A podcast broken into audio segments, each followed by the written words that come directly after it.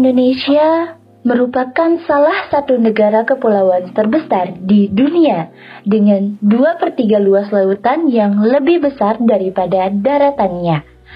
Kondisi perairan yang sangat luas ini menyimpan potensi sumber daya hayati yang sangat besar. Terumbu karang yang terhampar luas begitu indah, potensi perikanan yang begitu tinggi, bioteknologi kelautan, energi dan sumber daya mineral, pariwisata bahari, dan masih banyak lagi ragam potensi yang dimiliki oleh Laut Indonesia. Semuanya adalah berkah Tuhan Yang Maha Esa untuk dapat dimanfaatkan sebesar-besarnya bagi pertumbuhan ekonomi dan kesejahteraan rakyat Indonesia. Menjaga laut artinya menjaga jati diri Indonesia. Semangat cintai laut Indonesia serta kekayaan alam yang terkandung di dalamnya. Selamat pagi, siang, sore, malam, kapan pun teman-teman mendengarkan podcast ini. Selamat datang di podcast Forest Hour Plus Plus episode 5 bersama Divisi Keilmuan dan Keprofesian HMH Selva ITB. Semoga sehat selalu dan semangat untuk tak pernah berhenti menjadi manusia yang tumbuh dan belajar. Perkenalkan kembali, aku Nadia Nafarisa Kamila Selva Sejati yang pada podcast kali ini akan menemani hari teman-teman semua dengan isu lingkungan yang telah kita kaji pada Selva Wahaha waktunya bahas hutan kita tanggal 21 Juni 2020 lalu. Topik kajian Selva Wahaha edisi Juni adalah biosistem laut dalam perspektif keilmuan rekayasa kehutanan. Nah, buat teman-teman yang belum pernah dengar isu ini, pasti penasaran dong, kira-kira gimana ya perspektif keilmuan jurusan rekayasa kehutanan terhadap biosistem laut. Oleh karena itu, yuk langsung saja kita simak ceritanya. Berawal dari suatu keresahan yang menjadi latar belakang dari diangkatnya topik ini.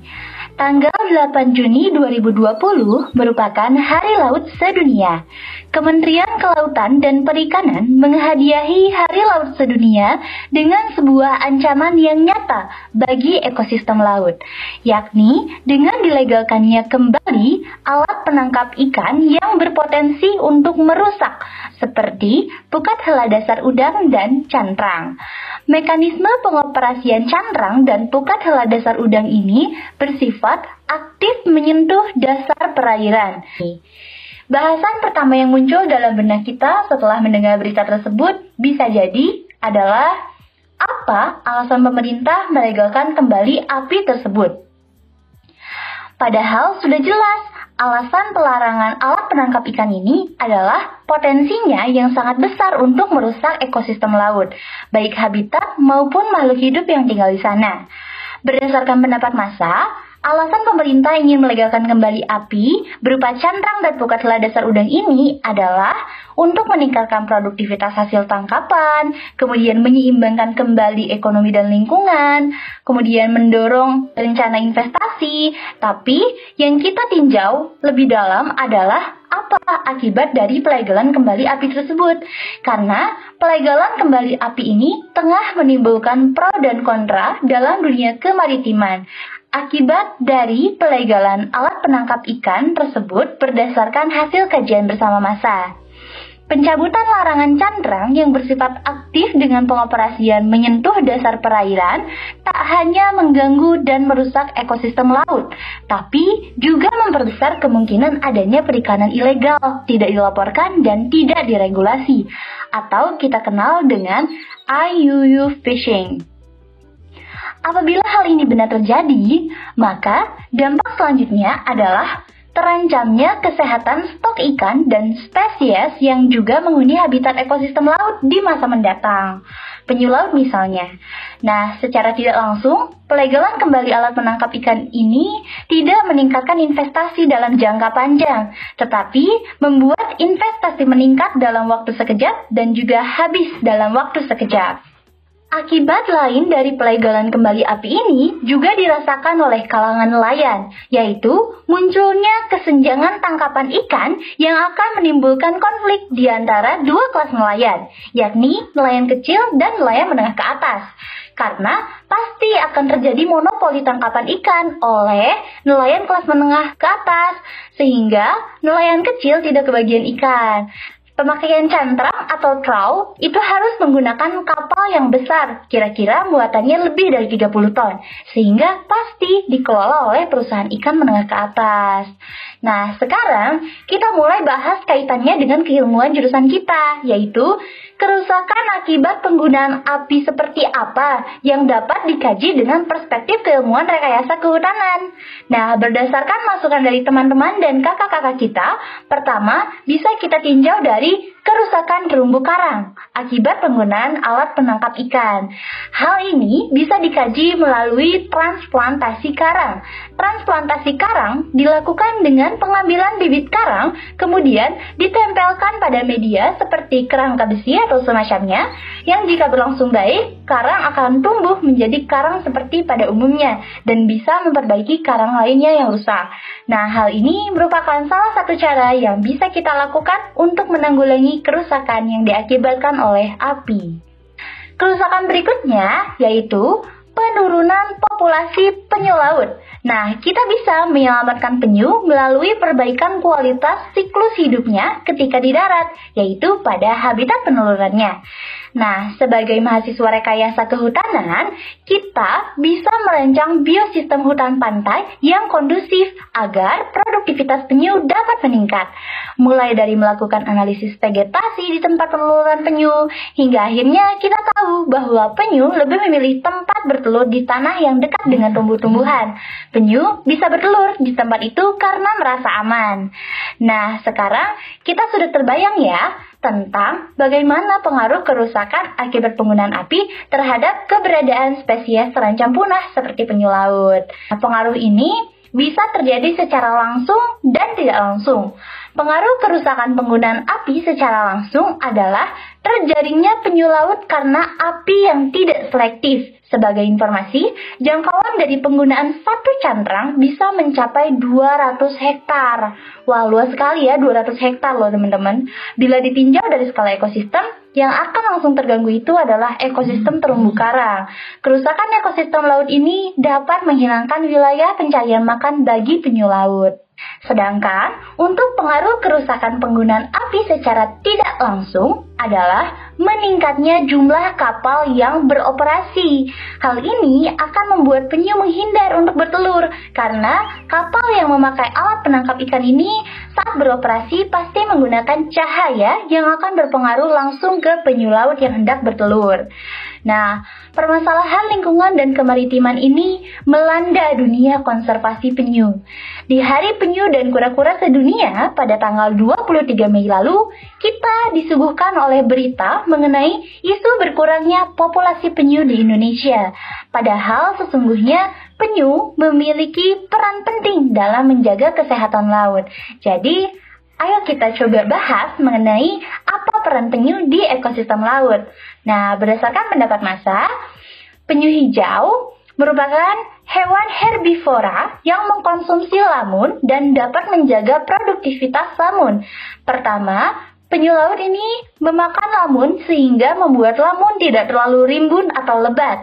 Karena kondisi lamun yang terlalu rimbun dapat menghambat arus laut dan juga menghalangi sinar matahari. Sehingga pangkal lamun akan mengalami pembusukan bila tidak terkena sinar matahari.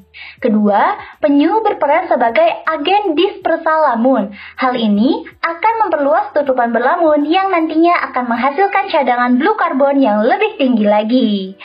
Nah, selain itu, Populasi penyu juga mengontrol distribusi populasi spesies lainnya seperti spons, ubur-ubur. Selain itu, penyu juga mendistribusikan nutrisi dan juga mendukung kehidupan makhluk air lainnya. Berdasarkan Peraturan Perundang-undangan Nomor 7 Tahun 1999, penyu laut termasuk ke dalam hewan yang dilindungi di Indonesia. Bahkan, 6 dari 7 spesies penyu di dunia itu ada loh di Indonesia. Setelah tahu betapa pentingnya peran penyu di ekosistem laut dan alasan mengapa penyu termasuk hewan yang dilindungi, mari kita bayangkan, kira-kira apa ya dampak yang muncul jika terjadi kepunahan terhadap penyu ditinjau dari perspektif ekologinya?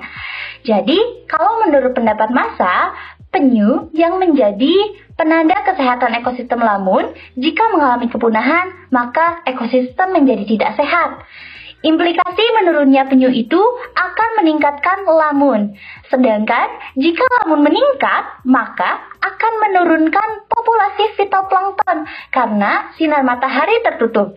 Sedangkan fitoplankton itu adalah salah satu penghasil oksigen terbesar, mencapai sekitar 50% dari produksi oksigen dunia. Selain merusak rantai makanan di atas, Fitoplankton nantinya akan mempengaruhi kadar oksigen di bumi yang mengarah ke climate change.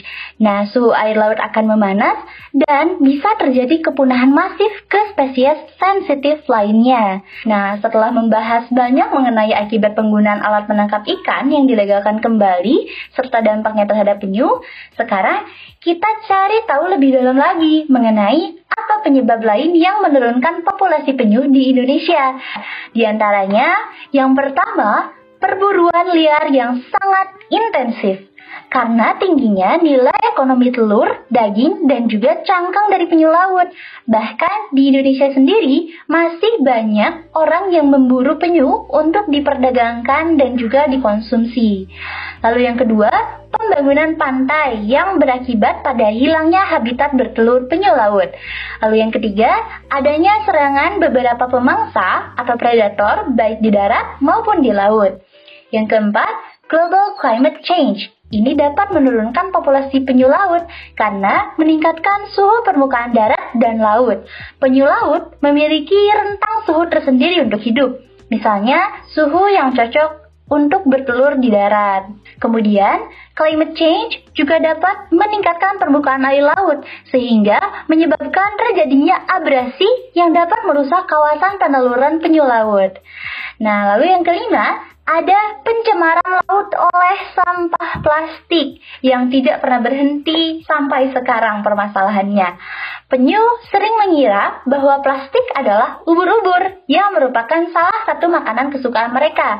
Dan ketika mereka memakannya, ia akan tercekik saat menelannya dan berujung pada kematian penyu laut. Kemudian yang keenam, ada polusi suara dan cahaya yang berpengaruh ketika penyu hendak bertelur.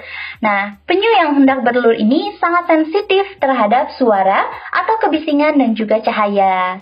Dan yang terakhir adalah banyaknya kedok konservasi penyu yang justru malah mengeksploitasi penyu untuk kepentingan pribadi. Wah, ternyata kisah pilu penderitaan penyu ini Kebanyakan disebabkan oleh ulah manusia itu sendiri. Manusia yang tidak bisa menjaga lingkungan sebagai bentuk upaya konservasi penyu laut. Lalu, apa yang bisa kita lakukan sebagai mahasiswa rekayasa kehutanan mengenai hal tersebut?